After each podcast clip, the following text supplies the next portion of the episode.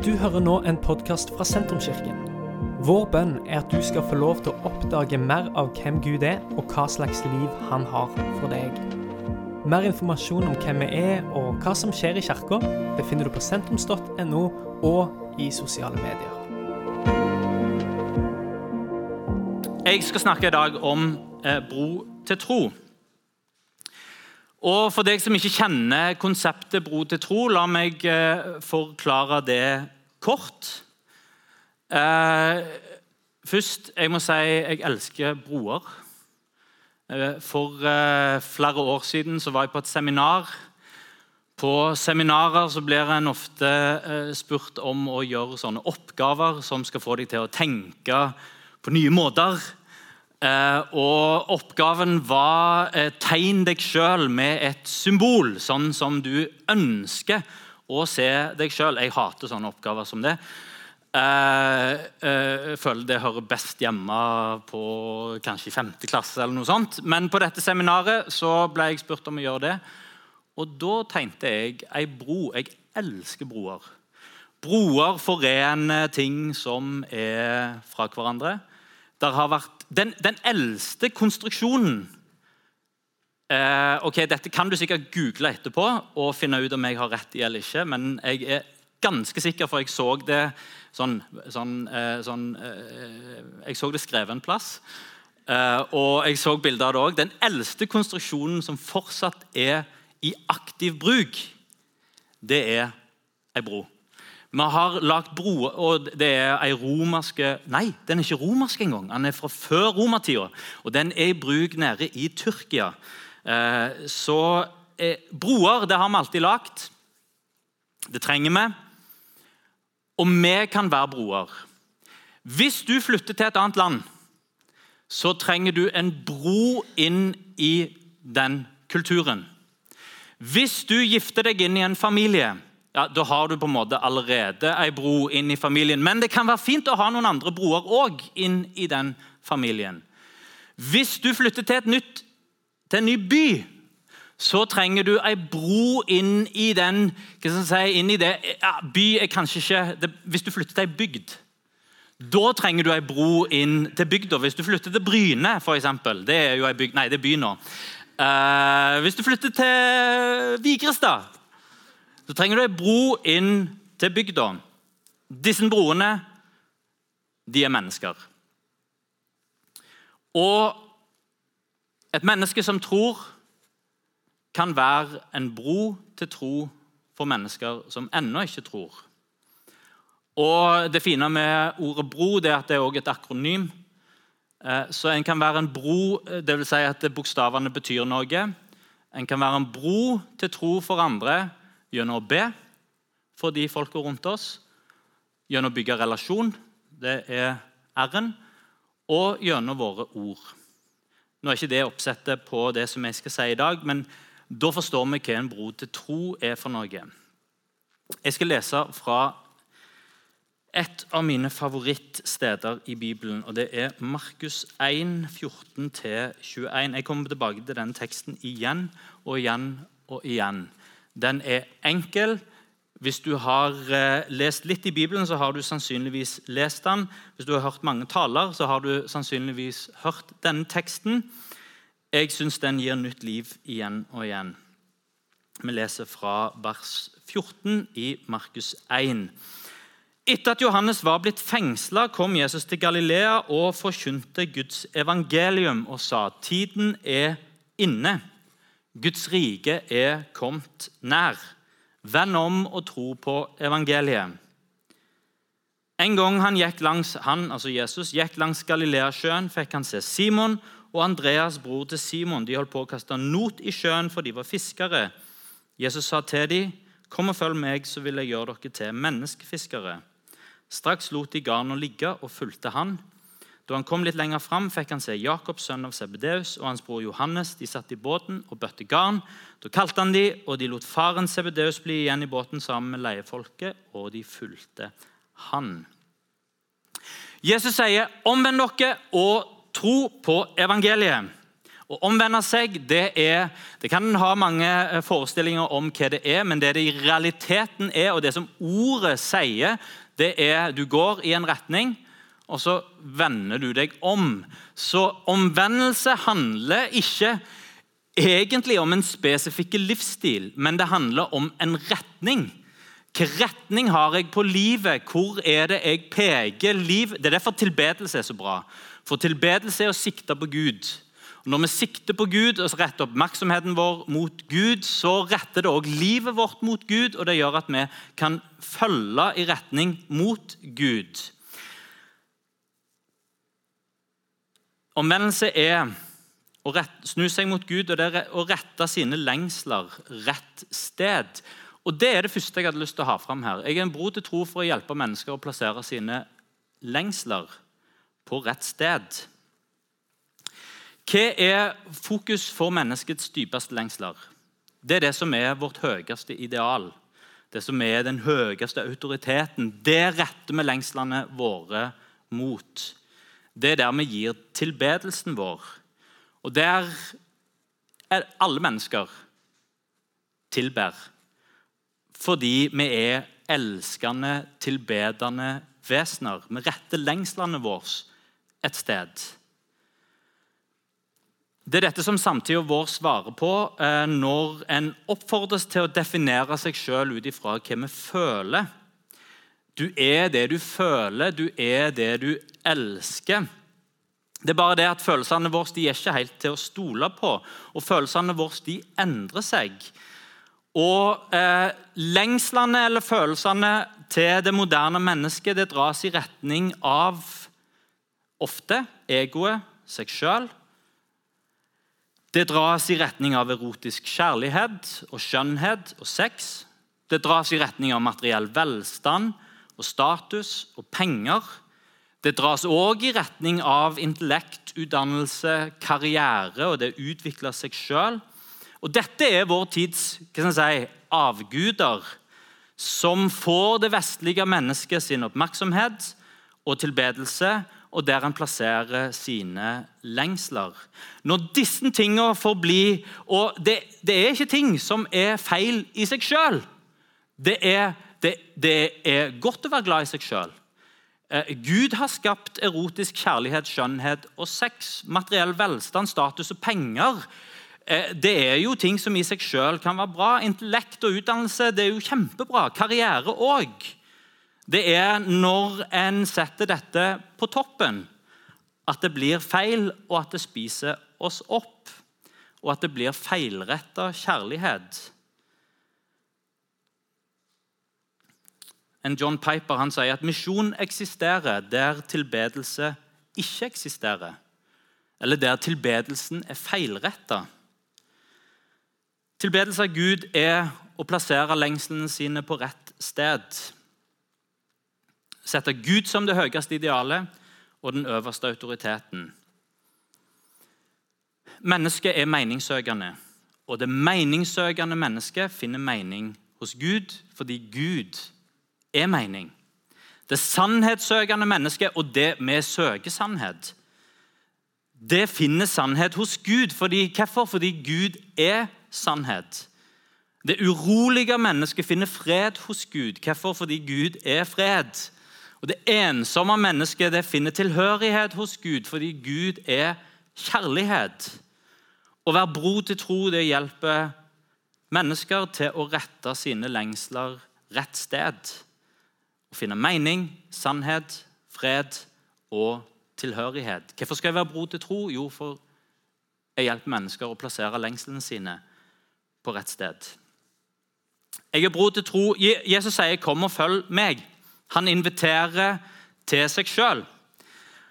Eh, og hva gir det for noe? Det gir tilhørighet. Jeg er bro til tro overfor andre for å hjelpe de rundt meg til å finne tilhørighet og fred.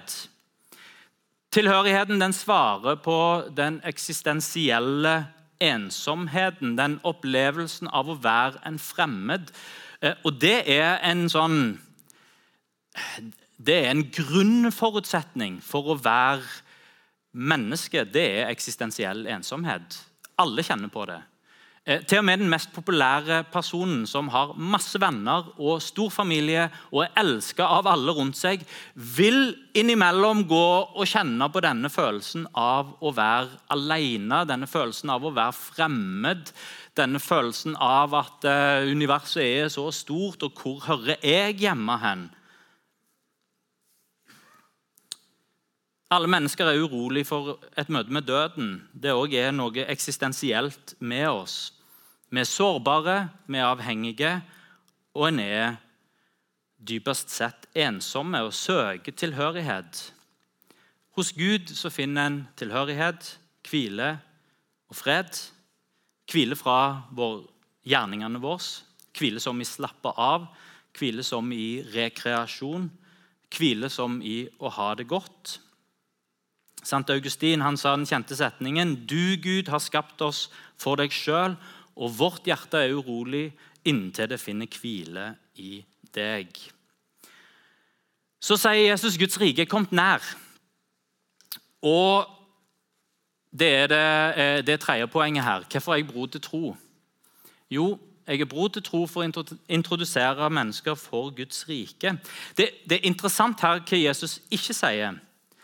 For eh, Jesus sier ikke sånn som kanskje en del forbinder med eh, ivrige kristne. Vend om, for enden er nær. Turn or burn. Eh, vend om. Omvend dere, eller så. Eh, det er ikke en trussel som ligger i enden av Jesus sin invitasjon. Du må, eller så. Det er ikke det Jesus sier. Han sier Guds rike er kommet nær. Mange av de som er mest opptatt av å dele, være en bror tro og dele evangeliet, er motivert av fortapelsens mulighet. Og fortapelsen er reell. I Johannes 3, 16 så står det i klartekst at frelsen er å ikke gå fortapt, men ha evig liv. Men Jesus han bruker ikke, eh, han bruker ikke fortapelse som en slags motivasjon for å invitere til seg sjøl. Han sier Guds rike er kommet nær. Jesus' sin invitasjon er positiv. Kom og lev i Guds rike. Få del i Guds rike. Erfar Guds rike. Og hva er Guds rike for noen ting? Guds rike og himmelens rike er i Det nye testamentet det er den samme tingen. I Matteus så står det himmelens rike, i Markus og Lukas så står det, så står det Guds rike. Når, når vi leser at Guds rike er kommet nær, så betyr det rett og slett at at himmelen er kommet nær. Når vi synger julesanger med himmel på jord, for eksempel, så, så, så er det helt reelt. For når, når, Jesus kom til jorda, når Gud blir menneske og trør inn historien, så har himmelen kommet ned på jorda. Jesus sier Guds rike er kommet nær. Og Hva er Guds rike for noen ting? Det er der Gud bestemmer. Der som, det, der som, som, som hans lov gjelder. Så Jesus' sin invitasjon til de første disiplene det er å erfare himmel. Det er å leve med Jesus som konge, følge hans bud og gjennom det erfare hans rike og være med å etablere hans rike på jord. Himmel på jord gjør verden til et bedre sted. Å følge Jesus er en smak av himmel. Å være, å kirke en smak av himmel.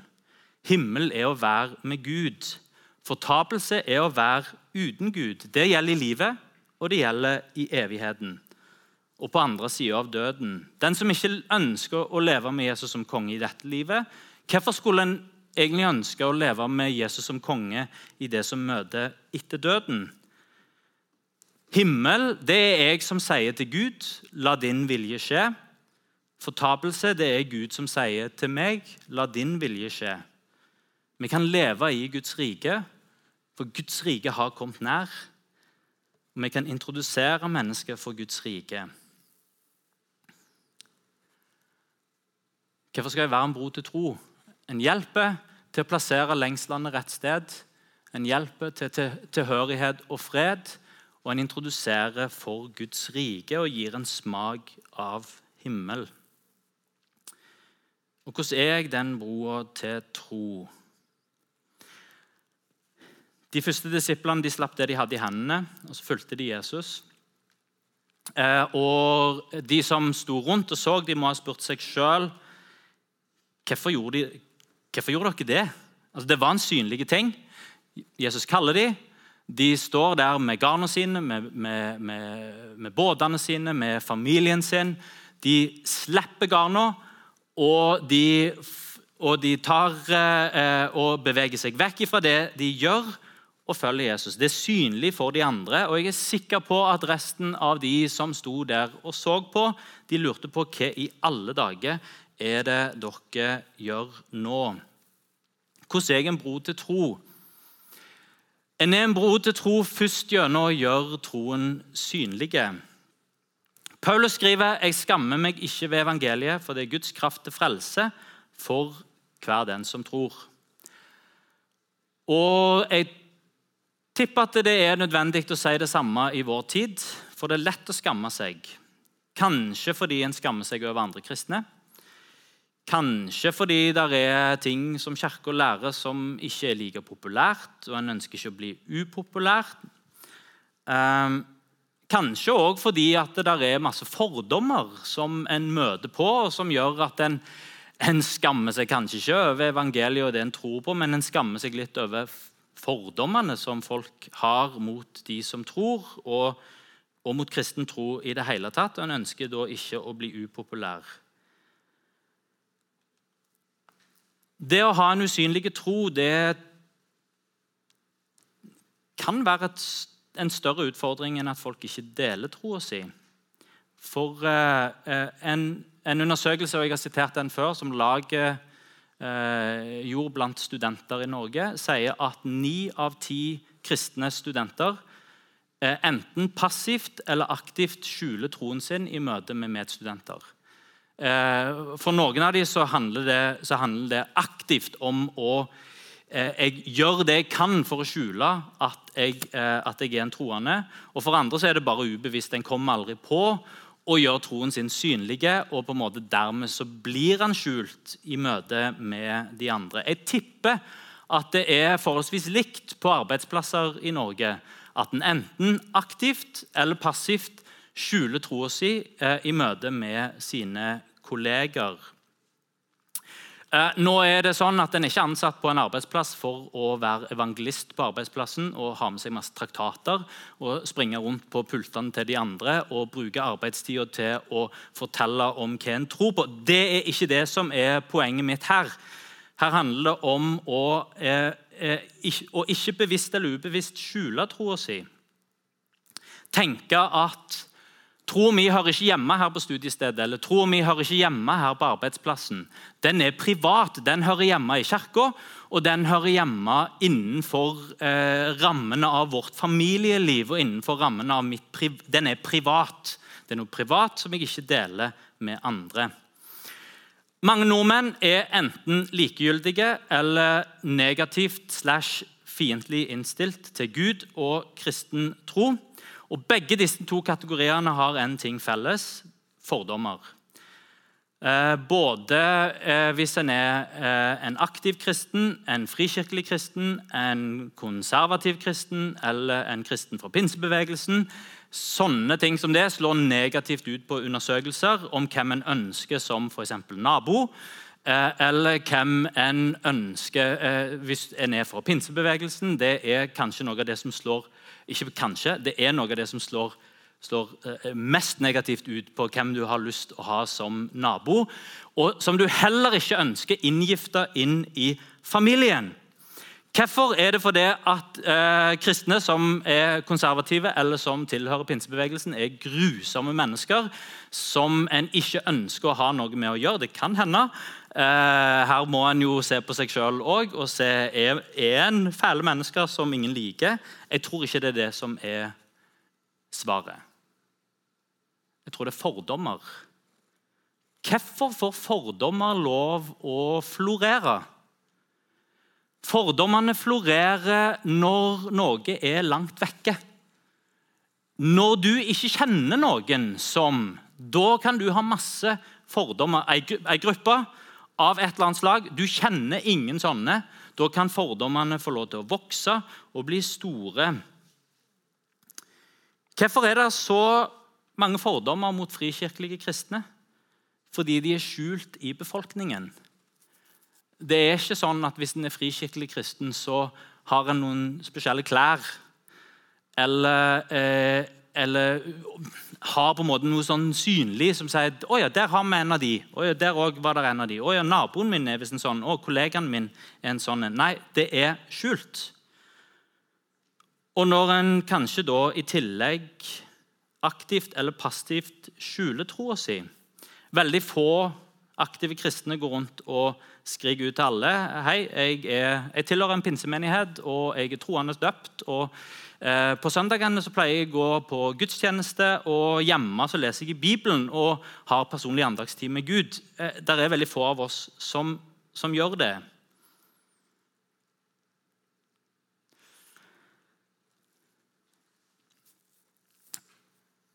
En trenger å tenke gjennom hvordan kan jeg synliggjøre troa mi. For når troen blir synliggjort hos normale kristne mennesker, så knuses fordommene. Da har du hørt om de der galningene. Da kan noen si nei, de er ikke galninger. For naboen min er en sånn en, og han, en, han eller hun er en, et fantastisk menneske. Har du hørt om de galningene? Nei, men de er ikke galninger. For det er kollegaen min. Han er en av de. Og for et fantastisk menneske. Har du hørt om de galningene? Nei, de er ikke så galne, for i familien min så, der, eh, så, så, så, kjenner jeg noen av de. En av mine favoritthistorier fra Bibelen er Daniel. Daniel som kommer eh, som tenåring til Babylon. Daniel en jødisk gutt som er bortført for å jobbe for keiseren eh, i verdensmetropolen Babylon. Eh, og Der får han beskjed om å tilbe keiseren som Gud. Det var vanlig. Eh, det var noe som mange keisere satte på plass. Hvis alle tilber keiseren, så blir det enhet i riket. Og en skremte folk òg. Hvis du ikke tilber keiseren, så kommer det konsekvenser, noen ganger fæle konsekvenser. Og denne eh, jødiske gutten, eh, tenåringen Daniel, istedenfor å bli skremt i storbyen og bli skremt til å gjøre det som alle de andre gjorde, så fortsatte han sin vane med å tilbe Gud. og Det gjorde han flere ganger til dagen. Og Det er modig når en vet at eh, det var store konsekvenser for å gjøre noe sånt. Eh, men så gjorde han en ting til han gikk hakket lenger. For han ba i sitt eh, hjem, men hver gang når han gikk for å be, for å tilbe, så gikk han først til vinduet og så tok han opp vinduet. Og så ba han. Med andre ord, det ble synlig for de andre hva han gjorde for noe. Og Det gjorde han til og med når det var farlig. Daniel skjulte ikke troen sin. Han gjorde han offentlig og han gjorde han synlig for andre. De første disiplene de slapp garnet, og de fulgte Jesus. Og og De gjorde noe synlig og annerledes som fikk de andre til å spørre seg sjøl hvorfor. Hvorfor gjorde dere det? Hvorfor ble de ikke værende med, med garnene sine? Hva gjør vi for noe? Hva gjør den som tror, som er synlig for andre? En velger kanskje å gå på gudstjeneste i helga. En velger kanskje et år på bibelskole etter videregående. En velger kanskje å dra på en misjonstur. Og så velger en kanskje etterpå å ikke skjule dette når spørsmålet kommer hva gjorde du i helga. Hva skal du etter videregående? Hvor var det du var på tur hen? Istedenfor å gjøre det som en kanskje instinktivt tenker. Ja, hva gjorde du i helga? Nei, var med, var med familien. Hva skal du etter, etter bibelskolen? Nei, jeg skal ta et friår. Hva, nei, hva skal du gjøre etter videregående? Nei, jeg skal ta et friår. Hva, hvor var dere på tur? Nei, vi var på tur i et annet land. Men å svare Jeg var i kirka. Jeg skal på bibelskole. Jeg var på misjonstur. Ikke for at det skal bli noe mer, men bare for å synliggjøre. Dette er livet mitt. Jeg tror, og det har konsekvenser for hvordan jeg lever livet. Hva med å gå med kors? Det kan jo òg være en, syn, en, måte å synliggjøre troa på. Kanskje en sjelden gang dele noe trosrelatert på sosiale medier. Det òg er synlig. Kanskje invitere fysisk eller på sosiale medier til gudstjeneste i høytid, rundt påske eller jul. Når en inviterer folk hjem eh, Hvis en har en vane av å lese i Bibelen og lar Bibelen ligge oppslått, så er det en synliggjøring av tro på hjemmebane. Hva med å ha kunst på veggene som er med trosrelaterte motiv, eller be for maten og ha det som vane å be for maten? Og fortsette å be for maten òg når en har gjester. Små ting som synliggjør at her er en familie som tror.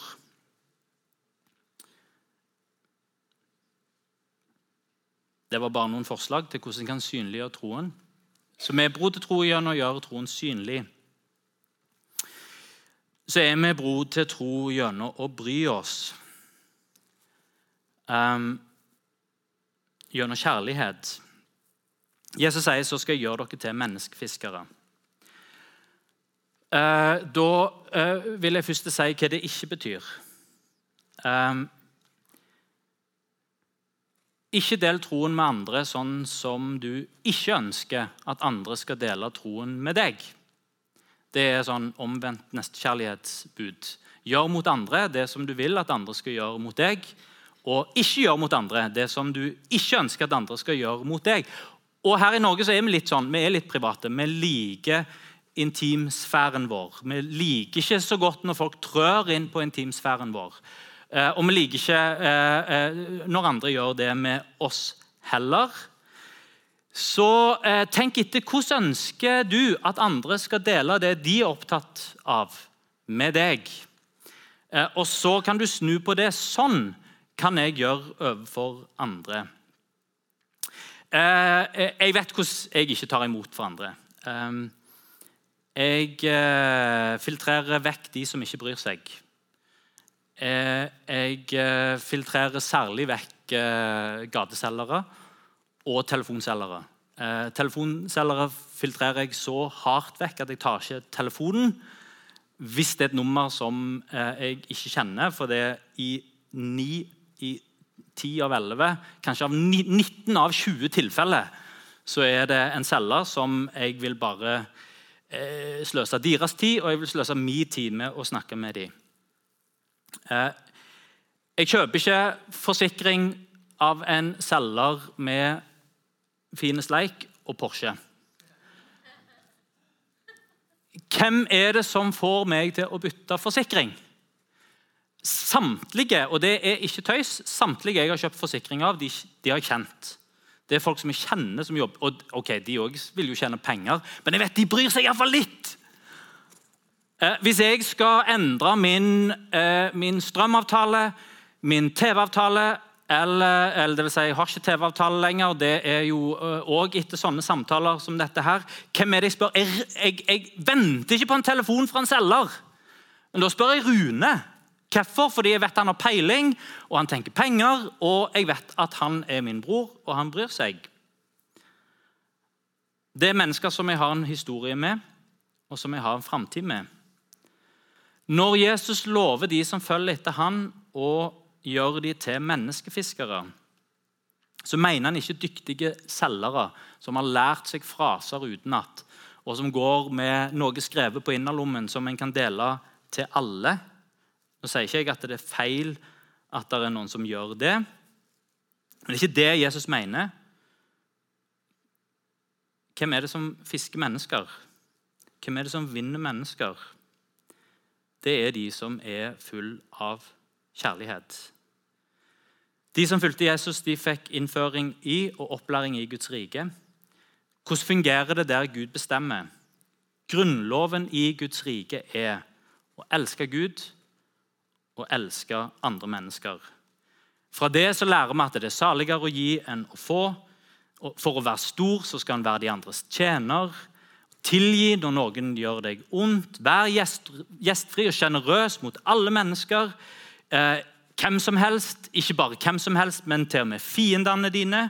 Guds rike er et kjærlighetsrike. Der det å gi, det å tjene, det å tilgi og vise gjestfrihet, det er å elske Og det er den kjærligheten som vinner mennesker. Vi er bro til tro gjennom å bry oss.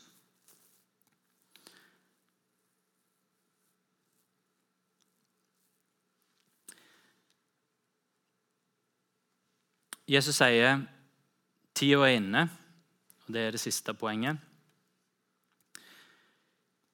Tid er to ord, og da kan bandet komme og gjøre seg klar. Tid det er to ord på gresk. Det er kronos, og det er kairos. Eh, kronos det er den som jeg følger med på nå, eh, her for å se at jeg ikke bruker for lang tid. Eh, det er det som vi måler her, klokka. Kronos den, den, den tikker av gårde uh, ustanselig hele tida. Vi forholder oss til Kronos, og vi er veldig flinke til det her i den vestlige verden. Vi styrer livet vårt etter Kronos. Eh, avtalen den begynner da. Eh, og, og, Noen av oss må jo skjerpe oss hele tida for, å, for å fungere etter Kronos. Det er tidsmåling. Klokka. Men på gresk er det da to ord for tid. Ikke bare klokka. Jeg tror vi i den vestlige verden tenker mest på klokka når vi tenker på tid. Men så har en noe som heter kairos. Eh, og kairos det er, det er ikke klokketid. Kairos er øyeblikket. Kairos er det som skjer nå. Det er det viktige øyeblikket. Det er jo det som gjør at f.eks. når en tar nattverd når en tar nattverd og minnes det Jesus har gjort for oss, så er det et Kairos-øyeblikk. Da er vi i kronos, i kronologi. Så er en 2000 år unna det som Jesus gjorde. Men i det øyeblikket vi bryter brødet og vi drikker av vinen, så sier Jesus dette er mitt legeme gitt for dere. Dette er mitt blod utgitt for, til, for dere. Og så er det Kairos et øyeblikk. Og på mange måter så er en nærmere Altså så er en der 2000 år tilbake i tid. Kronos eksisterer ikke på samme måte, men en er nær det som skjedde, for det er et Kairos-øyeblikk. En har Kairos i læringsøyeblikk med egne barn. Dette har jeg lært gjennom 15 år nå. Jeg er litt lærer i meg. Jeg leser altfor mye bøker. Jeg har altfor mye som jeg har lyst til å gi videre til de rundt meg. Eh, og hver gang en setter seg ned og sier Hør nå, nå, nå Dette er viktig, dette er viktig, dette er viktig. Altså da eh, Jeg vil ikke høre, jeg vil ikke høre, jeg vil ikke høre. Når har en mulighet til sine barn å få noen gode samtaler? Det er i Kairos-øyeblikkene.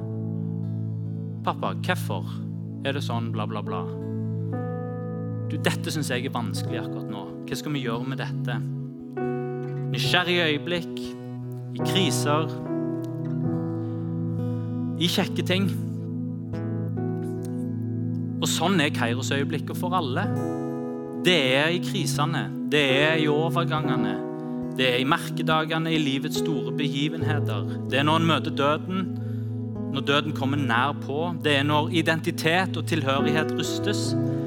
Det er i flytting, det er i skilsmisse, det er jobbendring. Det er når en blir arbeidsledig, i sykdom. Det moderne mennesket lever i et sekulært hus. Huset rundt oss, samfunnet rundt oss, det er sekulært. Det betyr uten Gud. Det som er med dette huset som vi bor i, det vestlige huset, det er at det, det var et kristent hus. Et hus som er bygd på et fundament av Guds ord og et fundament av tro. Men nå har en pusta opp, og en har tilpassa det en ny tid. Hvis en vil forstå forskjellen på et kristent samfunn og et sekulært samfunn, så er et kristent samfunn det er et samfunn der du må være veldig bevisste for å ikke tro. Et sekulært samfunn det er et samfunn der du må være veldig bevisste for å tro. Altså Der tyngdepunktet har, har skift. Flesteparten er et sted midt imellom hele tida. I et kristent samfunn så lener alle seg mot tro, for det er det samfunnet på en måte holder for å være sant. I et sekulært samfunn så lener alle seg mot at Gud fins ikke, eh, og, og, og eh, vi forholder oss til det. Og så må du være bevisste for å bevare troen. Vi lever i et sånt sekulært hus. Men det er noen ting som eieren aldri finner ut av. Det er en alarm som er installert i huset. Den ringer av og til uten at noen har satt den på. Den, eh, og hver gang den ringer, den alarmen som ingen har satt på, så blir en minnet på at ja, men dette huset var jo ikke bygd av meg. Det er noen som har bodd her før. Og Disse menneskene har installert denne alarmen av en eller annen grunn. Hva er en sånn alarm som en treffer på fortsatt i vår tid, som får en til å tenke ja, der er kanskje noe mer. Kanskje fins det en Gud, kanskje er det en evighet. Og det er disse store merkedagene. Det er livets mirakel når en blir foreldre for første gang. Jeg har en bekjent som ble pappa i veldig ung alder. Og hans respons når han når han så ungen sin, det var 'jeg tror på Gud'. Når en gifter seg, til og med når en blir besteforeldre, når det er store, og ikke bare de positive tingene, når det er omveltninger i livet, sykdom, død, uforutsette ting, kriser Vi ser Gud når vi ser livets mirakel. Vi håper på Gud i møte med døden. Trenger Gud i livets utfordringer. Hvordan er en bro til tro? Jeg har lyst til å oppfordre oss til la oss ikke en, være en bro til tro som presser tro og Jesus på andre rundt oss. Men del tro i rette øyeblikk. Når noen går gjennom ei krise, kan jeg få lov til å be for deg. Snakke om troen når spørsmålet dukker opp i møte med disse store Når alarmen går av og en begynner å tenke på Gud. Det fins fred, det fins helbredelse, det fins tilhørighet, det fins tilgivelse, og det fins nytt liv gjennom troen på Jesus.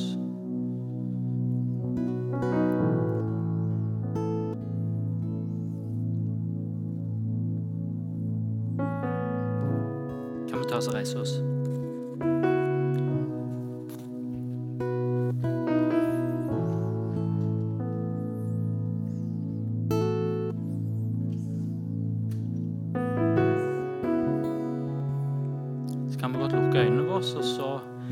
Vi hverandre et litt eh, personlig øyeblikk.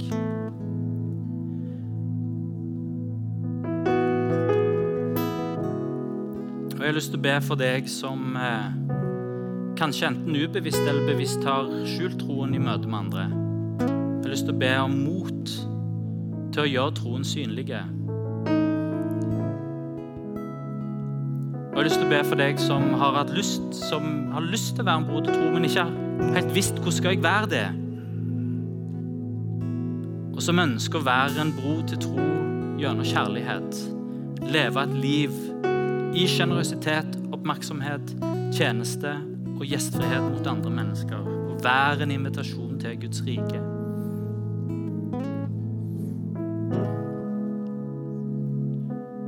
Det gjelder deg, enten at du vil ha mot til å gjøre troen din synlig, eller ønsker å være en bro til tro gjennom å leve et liv i kjærlighet, der kjærligheten til Gud viser seg i kjærlighet til andre, så kan du bare legge hånda di på hjertet, og så ber vi sammen. Takk, Herre Jesus, at du er her. Takk at du gir mot. Du fyller oss med din ånd og med din kraft. Og til oss å gjøre troen på deg synlige ber om at du hjelper oss til å leve liv som skaper nysgjerrighet, og som skaper spørsmål, og som gjør deg synlige. Ber jeg, Herre Jesus, at du fyller hver enkelt en av oss med din kjærlighet. Jeg ber om at kjærligheten må få lov til å vokse som en frukt i livet. Jeg ber om at den kjærligheten skal få lov til å bli synlig i møte med familie, i møte med naboer, i møte med klassekamerater og med, med, med kolleger. Herre Jesus, at vi kan få leve et liv i sjenerøsitet, i tilgivelse, i tjeneste og i oppmerksomhet mot andre.